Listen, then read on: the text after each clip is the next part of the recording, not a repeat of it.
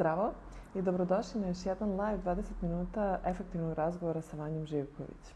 E, ovo je neka naša vrsta podcasta u okviru Space Girls ženskog coworking prostora e, iz Novog Sada. Cilj nam je da napravimo zdravu žensku zajednicu i pružimo vam različite informacije i edukacije potrebne za vođenje modernog biznisa. Ovaj live podržala je Artificial Intelligence kompanija e, Rubik's Code – E, više njima možete pogledati na njihovom sajtu rubikscode.net i mi im se uh, ovom prilikom zahvaljujemo. Uh, odmah ću uključiti Karolinu, zatim predstaviti. Karolina je moja današnja gošća. U pitanju je Karolina Herbut, finansijska i biznis savjetnica. Ćao Karolina, se čujemo? Ćao, čao. Jeste, čujemo se, ja te e, super čujem. Da li ti mene? I ja tebe isto. Odlično. E, taman sam krenula da te predstavljam. E, znači, ti si biznis e, i savjetnica i finansijska savjetnica i biznis coach. E, I imaš svoj, svoj online kurs o, o finansijama koji svi mogu da potraže na tvom sajtu herbutkarolina.com ako im ovo danas ne bude dovoljno. E, takođe radiš sa fizičkim i pravnim licima, e, pomažeš im da preuzmu kontrolu nad svojim financijama i unaprede svoj odnos prema novcu. Da li bi dodala nešto što ja nisam rekla i smislila? Sve si, sve si super sažela, tako da nema ništa da dodam. E, pa Prosto super. možda bih Možda bih naravno to samo potvrdila da upravo to je sve deo jedne šire slike povećanje finansijske pismenosti koja je svima nama potrebna i, i naravno to, to ne znači samo nama nego oni koji su možda roditelji ili planiraju da budu roditelji kasnije se jel da prenose prosto i u porodici i za njihovu decu, tako da je to jedna zaista šira slika gde verujem da tako i društvo postaje yes. bolje. Jeste, ja sam konkretno bila na jednom tvom predavanju u Novom Sadu koje mi je dosta značilo. E, za jedan deo da potvrdim da neke stvari radim dobro, a da drugi deo neki naučim e, malo o štednji, malo o investicijama i tako dalje. Nešto zašto sam mislila da mi obični smrtnici možda nismo za to, ali u stvari sam shvatila i iz priče danas će, ja nadam se, i drugi naučiti da svi sve možemo to da radimo.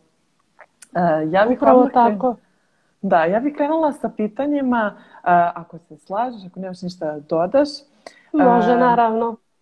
Krenula bih od toga kada se pripremamo da uplovimo u te neke preduzetničke vode.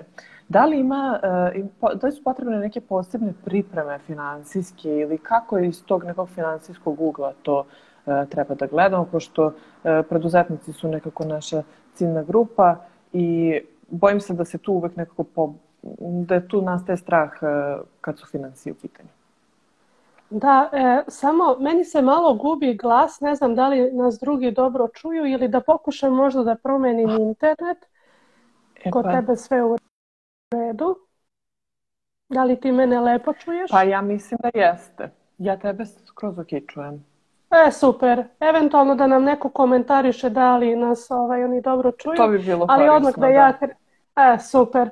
E, odmah da i odgovorim na tvoje pitanje što se ti pripreme za preduzetništvo tiče. Prvo mislim da treba da uopšte pričamo o tome šta mi sve mislimo pod preduzetništvom, znaš, jer neko e, će želeti naravno da otvori svoju firmu, uh mhm. -huh. ali to je naravno jedan korak kada smo već, koji treba da bude kada smo mi prilično dobro ispitali to šta želimo.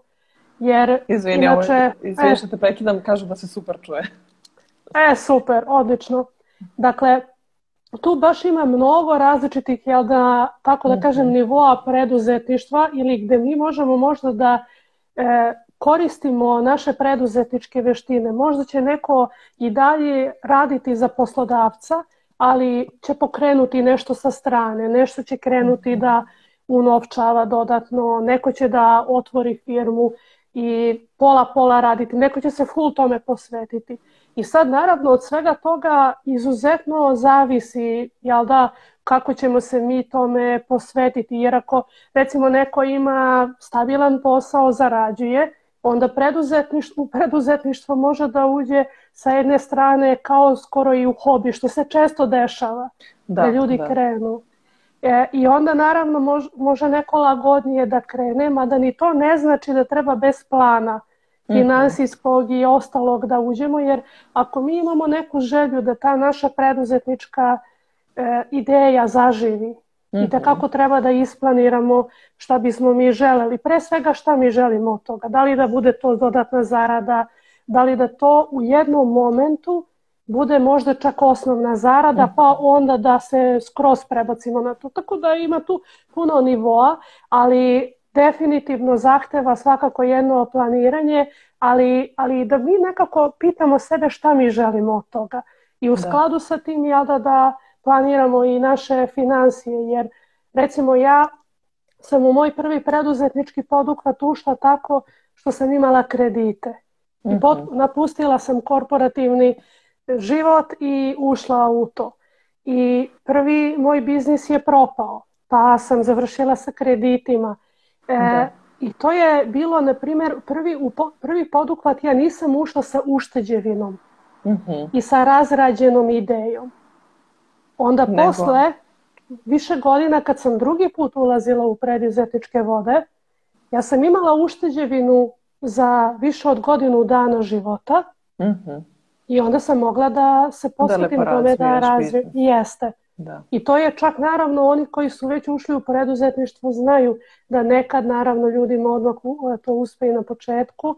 E, nekad su možda potrebne čak i godine, ne samo jedna godina, nego možda i više. Tako da, a i opet i to je, mislim da kad, smo, kad ulazimo u preduzetništvo super je da budemo fleksibilni. Treba imati plan kako uh mhm. -huh. pod idealnim uslovima kako bismo mi zarađivali. Ono minimalno koliko treba je da nama novca, koliko treba prihoda da pokrijemo sve naše troškove i onda tome težimo.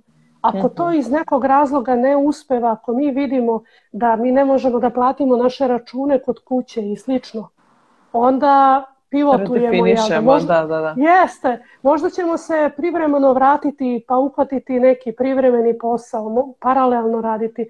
Dakle, opcije su tu brojne, tako da, da ali da ne dužim sa tim odgovorom dalje, svakako ćemo ne, korisno je, kroz druge. Pošto ovaj, tu dolazimo i do nekih drugih pitanja, onda treba da se možda redefiniše i biznis, možda nešto novo da se uvede, ne, ne treba odustajati. O tome smo već pričali u da. prethodnim live-ovima i to je ovaj, preduzetništvo je više nekako karakterna osobina nego sam, samo zaposlenje. Ovaj, da. Tako bih nekako rekla. Upravo ovaj, to. A po, pomenula si znači plan, dobro naravno treba da se pravi, treba da se napravi plan, ali ti si eto kažeš napravila za godinu dana ušteđevinu. E, koliko nekako dugoročan plan smatraš da treba da se u početku e, napravi? Da li je to šest meseci pa da se onda redefinišu ciljevi u eto, godinu dana ili možda čak i više? Kako, kako stojiš e, ovaj, ti sad po tom pitanju? Ja mislim da je za godinu dana barem potrebno naravno da imamo neki cilj i da mhm. imamo kako bi to kako bismo želili da to do izgleda. Ja recimo kad sam prvi posao pokrenula, ja sam mhm. imala petogodišnji plan, biznis oh, plan wow. i, i, i taj, je pro, taj biznis je propao bez obzira na taj plan jer ništa nije pošlo prema tom planu, a da. ja nisam uspela da se tome prilagodim. I da, da, da. Previše isplanirano. da, da, previše isplanirano, a nisu, naravno, upravo je to najbitnija stvar, da u mhm. preduzetništvu svašta se treba očekivati, ne treba tu preterano ni plašiti se tih različitih mogućnosti, mm -hmm. nego zaista treba izaći i testirati.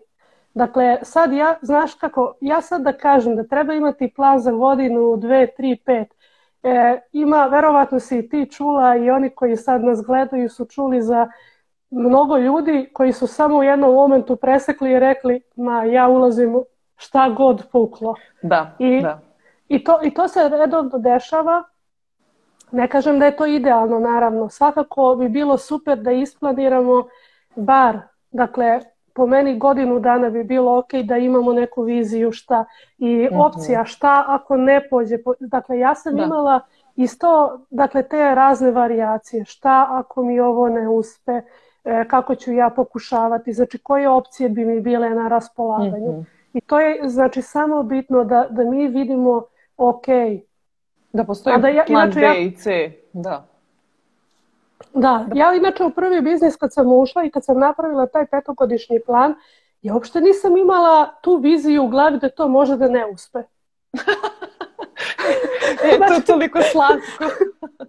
Znači, ali to, ja, ja to sad kad pogledam, ja sam tad već vodila tuđi biznis, uspešan. Da. I ja ulazim u svoj biznis onako sva poletna, ne može da ne Da, da, to nije opcija. Kao, da. Dakle, ali, ali zaista, to, to meni nije bilo u glavi kao, kao opcija. I to, tako da, e, Ma, ja sam ne znam da... Meni je to okej okay stav. Mislim. Naravno, E, to, to je ok stav, ali me je do, e, loše sačekalo na moje samopouzdanje da. kada to nije uspelo. Da. E, i, I to sam doživela lično. Mm-hmm. A zapravo mi to ne treba da lično doživljavamo, nego treba upravo da shvatimo da možda sada je neko ima 25, 35 godina, a zapravo onda možda, ćemo, možda će naš peti ili deseti biznis da uspe. I možda neće da. imati nikakve veze sa, sa tim. Tako Onim da, što smo počeli, i mislim, da. Da, ali tako da mislim da je to najbitnije, da se ne shvati lično, nego idemo dalje. Tako da... da, ume to da bude malo teško, jer kao nekako kad kreneš da u preduzetničke vode nekako se poistovetiš sa svojim poslom i to je nešto što da. radiš sa svim srcem i predaš mu se skroz i onda kada ne uspe razumem apsolutno to. Prošla sam manje da. više kroz takve stvari. Ovaj, htjela sam dalje da te pitam e, što se tiče pandemije. Ne bih previše pričala o tome, zato što se sve u životu sad svelo na to, ali čisto malo da zagrebemo. Čini mi se da sam na tom newsletteru pročitala ono istraživanje, je li tako? Jesi... Da. E, ove, ovaj, pa eto, možda možemo da se okrenemo nekako s te strane e, kad je štednja u pitanju ili neki planovi koje smo mogli drugačije da napravimo, pa da nam ispričaš malo ovaj, baš o tom konkretno istraživanju koje si napravila. Da, to je bilo dakle istraživanje i tu su ljudi koji me i prate i drugi ovaj naši njihovi poznanici su davali odgovore. Prosto je mene isto zanimalo zaista kako je ova pandemija sada uticala na naše financije, da li su se prihodi. Znamo da su ljudi ostajali bez da. posla, da. također da su se smanjila primanja, također, e, dakle, dešavale su se zaista različite situacije i onda je prosto mene zanimalo oko ljudi koji su oko nas, e, kakva je situacija. Mene inače, meni, mene su odgovori iznenadili. Ja zaista ne mislim da to mhm. može sad da se kaže da je reprezentativni primjer. Ja da. nisam neko ko je stručna sa istraživanjima pa da znam e, koji je reprezentativni uzorak i sve to, ali svakako radi, in, dakle interesantno jeste pogledati da e, dosta ljudi je odgovorilo da, da na primjer primanja nisu toliko drastično pala. Uh. -huh.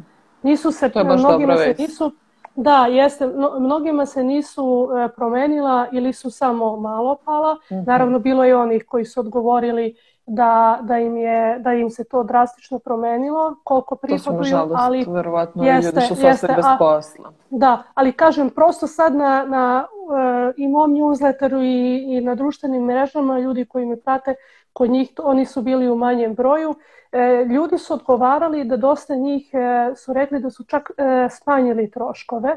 Dakle, mhm. -huh. jedan, e, jedan broj ljudi jeste odgovorilo da, da naravno njima su se i povećali troškovi, ali zapravo je bilo dosta ljudi kojima su se smanjili. I verovatno je to i sama odluka nas zbog tog straha. Da, da. ok, sad nećemo da se da, da, da razbacujemo, nećemo toliko da trošimo na neke naše želje, nego A i videli smo prioritete, da. Prioritete da. smo nekako Tako da, spoznali. Ja mislim da je ono što je sad stvar e, pandemije i to je generalno, ja sam to uvek govorila inače za mesec januar i februar, uh mhm. -huh. da je jako korisno da mi beležimo naše financije i posebno recimo u tim mesecima, isto kao januar ili februar ili eto sada za vreme pandemije, jer onda u januaru, februaru ljudi uglavnom e, ostaju bez najma, sa najmanje novca, jer znaš u decembru se istroše. da. Da, e, Jeste, ali da. mnogi u decembru se istroše mm -hmm. i onda u januaru se krpe. I Januarska tako da plata tu... uvek dođe pred novu godinu. Da, i onda se tu dešava da ljudi na januaru i na februaru tu skrešu troškove.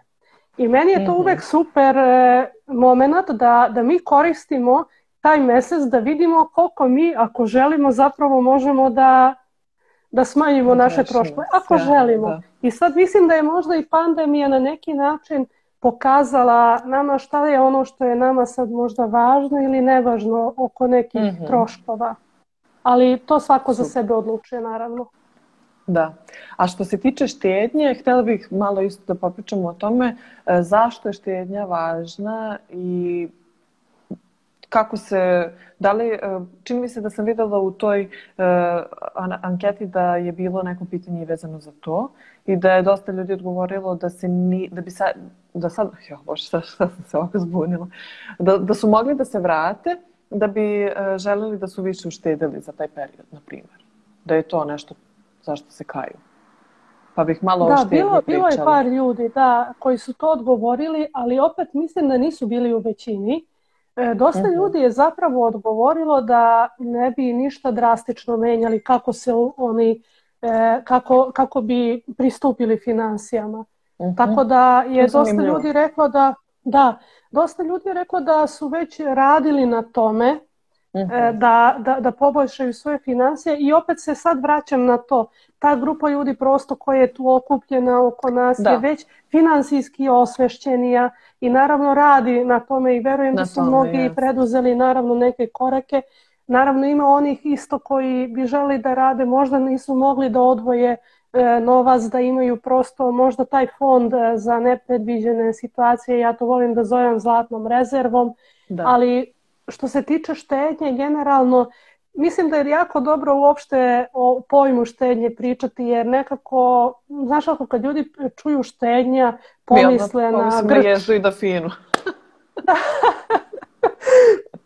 da, e, ta, tako da zaista ima različitih asocijacija. E, redko je to nešto što je ljudima onako pozitivnije, da to mhm. povežu sa ciljevima. A ja kad pričam o štednji, ja zaista pričam o tom nekom svesnom, ne o tome da se mi grčevi to bavimo time kako samo da, da naravno e, skrešemo sve troškove. Znaš ono kad kažu kao nemoj da piješ kafu napolju i sve to.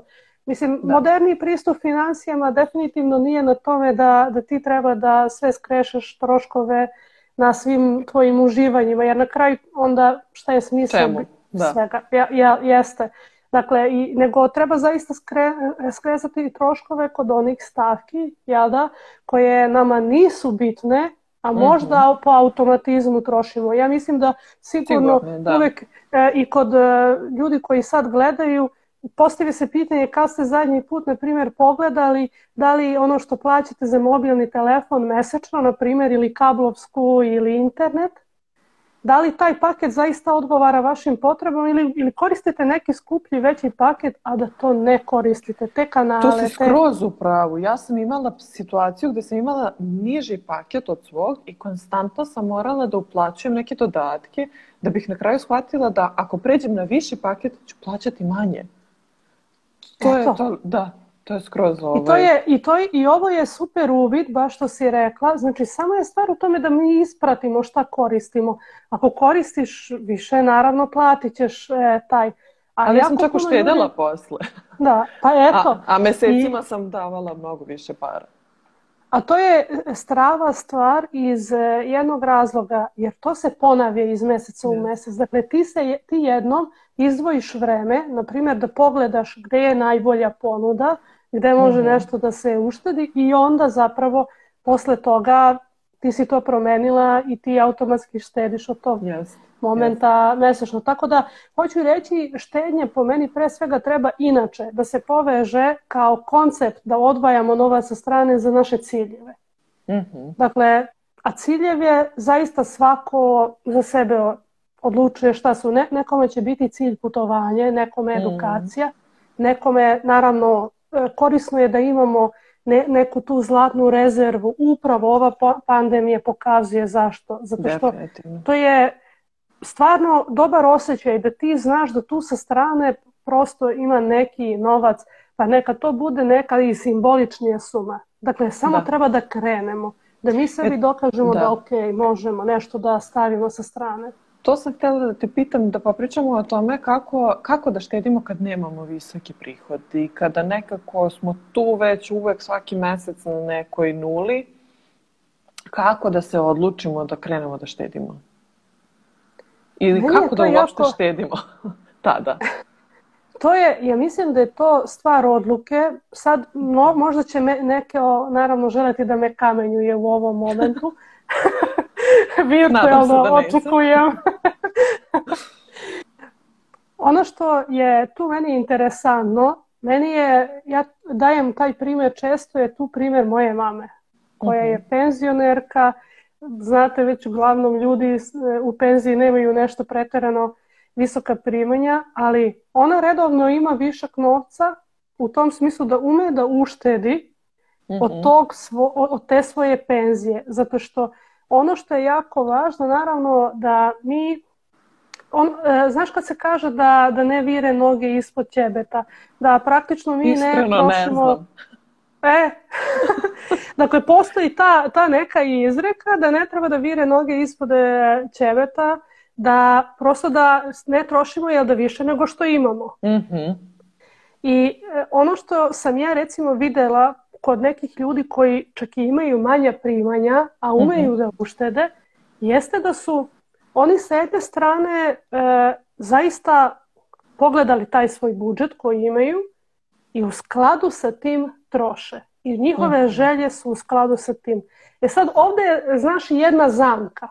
Tako da je tu sad veoma teško pronaći balans po meni, jer e, sa jedne strane, evo pomažu nam sa komentarima, kružiš da. se koliki je guber. dakle, što se tiče e, to, tog dela, definitivno uklapanje sa jedne strane u ono što imamo, ali onda mhm. se postavlja pitanje da kaže se da postoje dve, dva tipa osobe što se tiče na primjer, e, pristupa financijama. Jedna, jedan tip je koji će trošiti koliko zarađuje. Mm-hmm. I sad to je tip recimo ja da moje mame koji će biti uvijek u okviru budžeta. A drugi tip je koji će zarađivati toliko koliko hoće da troši. Mm-hmm. Zanimljivo. I to je E, I sad, e, ne, naravno, nije to baš tako crno-belo, ali ima naravno, zaista da. smisla. E, zato što, na primer, e, ono što sam ja videla da, kažem, ljudi koji uspevaju da uštede najčešće zaista su se uklopili u, u taj okvir. A mislim da je izazov da se uklopimo u taj okvir, ali da istovremeno radimo na našem mindsetu, da ne bude da mi zakucamo sebe u taj okvir. Da, da, da dakle, nemamo da više mi, ciljeve. Jeste, znači to, to je jako važno. Znači, i, i tako da je to, ja mislim, prosto zaista jedna umetnost kako sad to, to da uskladimo, ali yes. tu je negde bitno i baš kad sam pričala sa nekim e, ljudima koji rade recimo u bankama, mm-hmm. koji naravno imaju uvid u e, stanje e, sredstava kod klijenata i prosto su, e, par puta sam već čula da često oni ljudi koji čak imaju e, niža primanja su bili istrajniji u tome da nešto ostave sa strane. Tako da... Da, bolje, bolje rukuju svojim novcem. A ovo što si rekla za ova dva tipa ličnosti, to me skroz podsjetilo na ovu knjigu e, Bogati otac, siromašni otac, koju preporučujem svima da pročitaju. E, nije skroz primenjiva za naše tržište, ali je pitka i brzo se čita, a ima, e, meni je dobro bila da počnem da razmišljam na drugi način o nekim stvarima ne bukvalno da primenim te stvari jer nisu primenjive, ali za mindset to što kažeš da ovaj, nije loše. Apsolutno. Uh, kad, kad pričamo o štetnji, uh, htjela sam da popričamo o tome gde štedeti. Da li pare u madrac ili, ili u banku ili kako, ka, koji je tvoj stav prema tome? Koja je to neka suma koja je ok da bude u kući, a preko koje ne bi išla? To ja mislim da zaista svako za sebe treba da odluči. To treba čovjek da se zapita sa čim spava mirno. -hmm. Ja znam da sam doživala situaciju kada je bio požar u Sećam se te priče, to je sjajna da, priča. Da, prič, pričala sam ovaj, na, na više mesta, mislim ovde samo kratko da pomenem, baš sam uzela neki kredit i dok sam prebacivala, inače htela sam se jednog na drugi račun da prebacim, a banka nije radila pa sam podigla gotovinu e, i taj, to je bio okay, milion dinara, bilo je kod mene kući Ja sam zaista bila u stresu, to je bio novac od kredita, znači da. zadužila da. sam se. I ja na, devet, na deset mesta stavim po bunt e, sa hiljadarkama, je da, da budem sigurnija ja da, da nije sve na jednom mestu do ponedeljka. I onda sam se jel da u toku noći probudila na rotaciju na svetlo i zvoni Daš. neko da vratimo policajac kao samo mirno napustite zgradu, požar. Jo, kako mirno I, ja ono kao čekam. I rekao, čekaj, gde su moje pare? E, apsolutno, dakle, ali stvarno, dosta, e, znam, e, različiti ljudi različiti pristup imaju. Stariji apsolutno imaju čak i taj e, pristup e, koji su, ono što si pomenula, na primjer, e, da fina i tako mhm. dalje, ali to opet po meni treba da razlikujemo dve stvari. Neko ko je imao situaciju, na primjer, sa dafinom i slično, a drugo je hiperinflacija gdje novac da. izgubi vrednost. Znači da. jedna je stvar kad na novac samo po sebi izgubi vrednost, znači sve i da u kešu držiš izgubi je vrednost. Desilo, da. Znači to je apsolutno sada potpuno druga stvar i tako da ja u svakom slučaju volim da novac bude na nekom računu ili to postoje naravno alternative. Ono što je dobro, naravno, ako imate račun, ako nešto štedite, super je da bude na nekom odvojenom računu. Mm. Ima tih štednih računa koje, gde se ne plaća održavanje i to je super način i za štednju. Da odvojite na poseban račun mm -hmm. ko, uz koji nemate, na primjer, karticu. Znači, dobiješ platu, dobiješ neke prihode, imaš neki višak, odvoji, zaboravi na to. Da. I meni je čak, recimo, ja imam e, viš, račun u više banaka i ja taj novac čak držim u drugoj banci uz koji nemam tu karticu. Tako A da ja likvidno ako... u stvari, mislim. Jeste, znači da. ja bilo kad mogu, može neko da stavi po viđenju i da oroči, naravno to, to svako odlučuje za sebe, ali skloniš e, od sebe.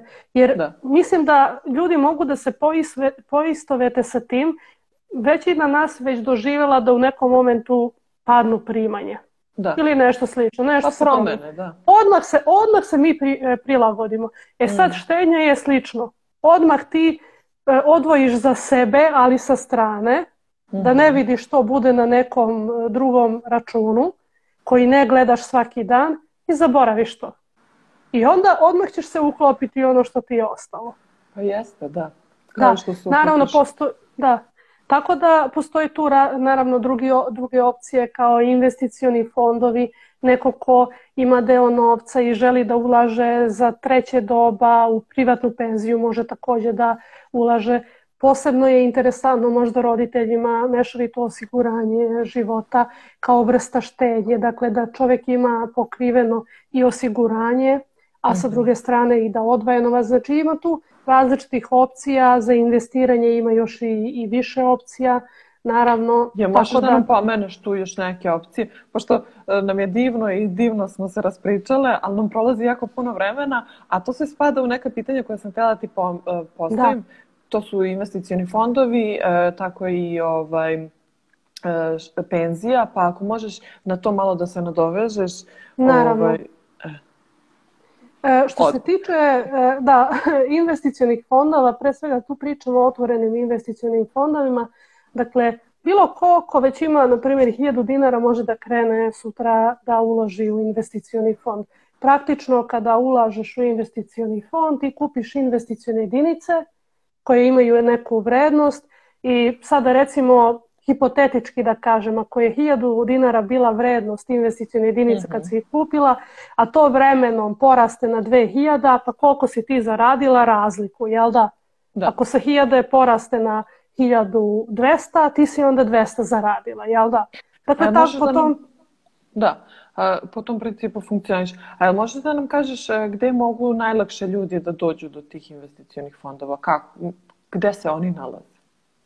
Pošto mislim da je to onako, u Srbiji se malo priča o tome, nije nešto što je nekako, ovaj, ako ne izguglaš sam, nekako niko ti to ne ponudi. naravno, prvo što se tiče investicionih fondova, e, njih e, e, reguliše Komisija za hartije od vrednosti. Moja Kad ukucate komisija, tamo. eto, da. Komisija za hartije od vrednosti, ukucate, tamo ćete naći spisak društava za upravljanje investicionim fondovima. Znači, tako da kažem, to su firme a svaka od tih firmi ima više vrsta fondova, pošto postoji više vrsta investicionih fondova. U zavisnosti od toga koliko, su, koliko je naš e, stepen, e, koliko želimo da rizikujemo. Da. Ima investicionih fondova sa manjim rizikom, sa srednjim i sa višim e, rizikom, ali nije to, tako je i naravno svakako od toga zavise i očekivani prinosi, mada to ne mora da znači. Dakle, to nije ne znači da ako vi ulažete u rizični da ćete sigurno više zaraditi. Znači da. to nije tako, to je sve e, podložno dakle, promeni. Ono što je bitno da znate, dakle da na sajtu Komisije za hartije od vrednosti imate i spisak svih i društva za upravljanje investicionim mhm. fondovima i investicione fondove, onda odatle možete da odete na njihove sajtove, Naravno, ako nekog zanima, na mom sajtu imate inače jedan blog post o investicionim fondovima baš detaljan. Ako ostavit ćemo to imate, u komentaru posle. Da, ako budete imali do, još dodatna pitanja ili ako budete baš želi da, e, da investirate eventualno, ja prosto i inače u mom kursu, a i na konsultacijama, to je nešto što ja pokrivam, gde pričamo i o očekivanim rezultatima, tako da to je ono što svakako samo treba da istražite sve imate na internetu i najbolje je da e, vi možete zaista da krenete sa tim Dakle, učlanjenje u investicioni fond je veoma jednostavan.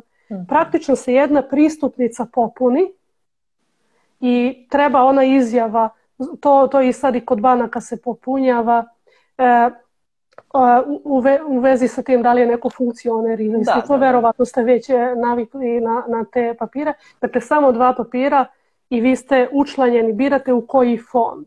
E, I vi kad ste učlanjeni u fond, imate broj računa na koji vršite uplate sa vašim pozivom na broj. Dakle, uplatiš 1000 dinara, to se beleži kod investicionog fonda. I tako kako kreće vrednost investicione jedinice, tako se kreće vrednost onog što si ti uložio, uložila. Ali ono što je važno da znate da to može i da pada, može da i raste. Da, Ali ne, veoma je jednostavno. Da, ono, zato je ono što je najbitnije da zaista kad uradiš, e, neko uradi pristupnicu, tu nema, neke poseb, nema nekog posebnog rizika jer kad se ti učlaniš u investicijni fond, to tebe ništa ne obavezuje. Ti nikad ne moraš da uplatiš, da. uplatiš ništa. Znači ili uplatiš sada 1000 dinara nikad u životu više, pa niko tebe neće zbog toga potražiti. I sredstva možeš bilo kad da povučeš. I sad da, da ne dužim više o investicijnom fondu, dakle to je, možete jednostavno da e, isprobate, pročitajte naravno dobro, ako imate neko pitanje pošaljite i meni, ali kažem, ne, ne, ne rizikujete puno ako isprobate sa 1000 dinara. Ja, na primjer, nešto ako mene interesuje kako funkcioniše, a ne mogu na osnovu svih tih tekstova da shvatim, onda mm -hmm. ako je to, ako me ništa ne obavezuje i ako mogu sa veoma malim iznosom da krenem, ja to sama isprobam. Da. Tako da je to. A što se tiče privatne penzije, e, praktično privatni penzioni fondovi jako slično funkcionišu kao investicioni. Isto kada mhm. uplatimo, onda kupujemo investicione jedinice koje, čija vrednost se isto menja i kako raste ili pada, tako se tako raste iznos sredstava koji mi tamo imamo. Dakle, ne, ne treba da ovaj, ne znam koliko godina uplaćujemo da bismo mi dobili penziju, ništa nije zagarantovano, I, ali jedini uslov je praktično da mi doživimo 58. da bismo mi ta sredstva mogli da koristimo. Znači to je ključna razlika između investicionih fondova i privatne penzije, na primer, mhm. da ono što mi uplaćujemo u privatne penzijske fondove, dakle sredstvima pre 58. godine nemamo pristup. Znači, ako neko, naravno sad uplaćujemo, ako umremo, onda naravno naslednici odmah nasleđuju.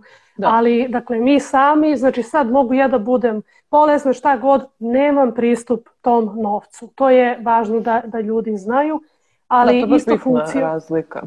Jeste, ali i naravno samo je, zato, zato je upravo kod investiranja uopšte bitno, a i kod štednje, sa kojim ciljem mi to radimo. Mhm. Da. I naravno nećete ostavljati nešto za treće doba, za penziju, ako prvo vi možda niste stvorili već neku sad ušteđevinu, Da. jel da?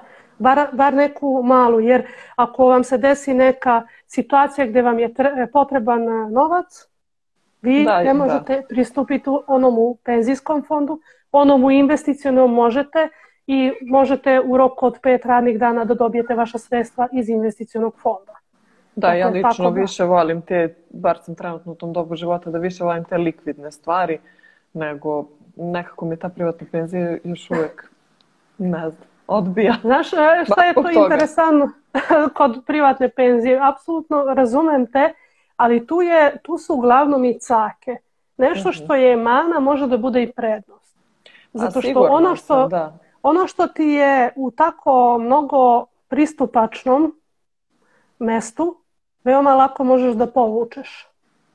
Jest. A ovo zaista čoveka čeka. To je sad slično kao, na primjer, i kada pričamo recimo o mešovitom osiguranju života. Da. Dakle, isto koje se najčešće duži niz godina plaća. Mm. Pa naravno, uglavnom e, ljudima to bude obaveza, ali nekad im ta obaveza zapravo pomaže Da. da odvajaju novac. Tako da svako treba, to je baš, stvarno mislim da su financije deo možda, rad na financijama, delom rad e, na ličnom razvoju. Jer Jest. samo mi treba da mi pitamo šta nama odgovara i kako se koji proizvod, da, i kako koji proizvod mi možemo da uklopimo u ono šta nama odgovara. Da. Tako da nema lošeg ili dobrog proizvoda, nego pitanje je samo šta je za vas sada adekvatan. E, još malo bih se okrenula, sada znam da smo probili dosta termin, ali jako je zanimljivo i mislim da će biti korisno. Ljudima, pa ako je tebi ok, ja bih produžila još jedno pet minuta, e, da popričamo o e, mesečnom budžetiranju, e, mesečno, nedeljno, ne, nekako taj finansijski plan e, na ličnom nivou, e, ka- kako, kako se pravi dobro, dobar finansijski plan. Pa prvo tako da opet, da kažem isto što i malo pre, da bude u skladu sa onim šta mi želimo. Dakle, mi prvo da bismo napravili, da bi finansijski plan imao posebnog i smisla, on bi trebao da reflektuje naše ciljeve, jel da? Da. Dakle, ako sad volim da koristim veoma jednostavan primjer, ako neko odluči da kupi laptop za 60.000 dinara, to je cilj da uštedi novac 60.000 dinara, na primjer, za kupovinu tog laptopa i recimo za 10 mjeseci hoće to da uradi. Mhm. Znači onda je da mjesečno treba 6000 dinara da uvek ima viška da bi za 10 mjeseci jel da Da. to e, osoba kupila. Dakle, onda pogledaš e, jedan tvoj tipičan mjesec, koliko su bili prihodi, koliko su troškovi. Zato je bitno beleženje, jer onda znaš E, to, kako okvirno ideš i onda staviš sebi limit. Ovdje ću da skrešem da bi mi na kraju kad oduzmem od prihoda troškove ostalo tih 6000 na primjer za moj cilj, jel da? Ako to nigde nije moguće da skrešemo, onda ne, ne- nema tu magije, onda treba da. radimo na povećanju prihoda. Ali to je ono što mnogi ljudi zapravo ne urade, jer vidiš, finansijski plan jel da je jako jednostavno napraviti.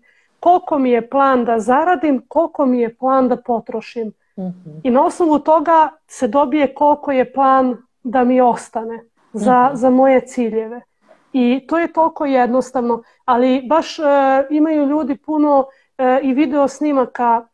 Imam sada jednu grupu upravljanja ličnim financijama. Tu imate baš jedan set video snimaka.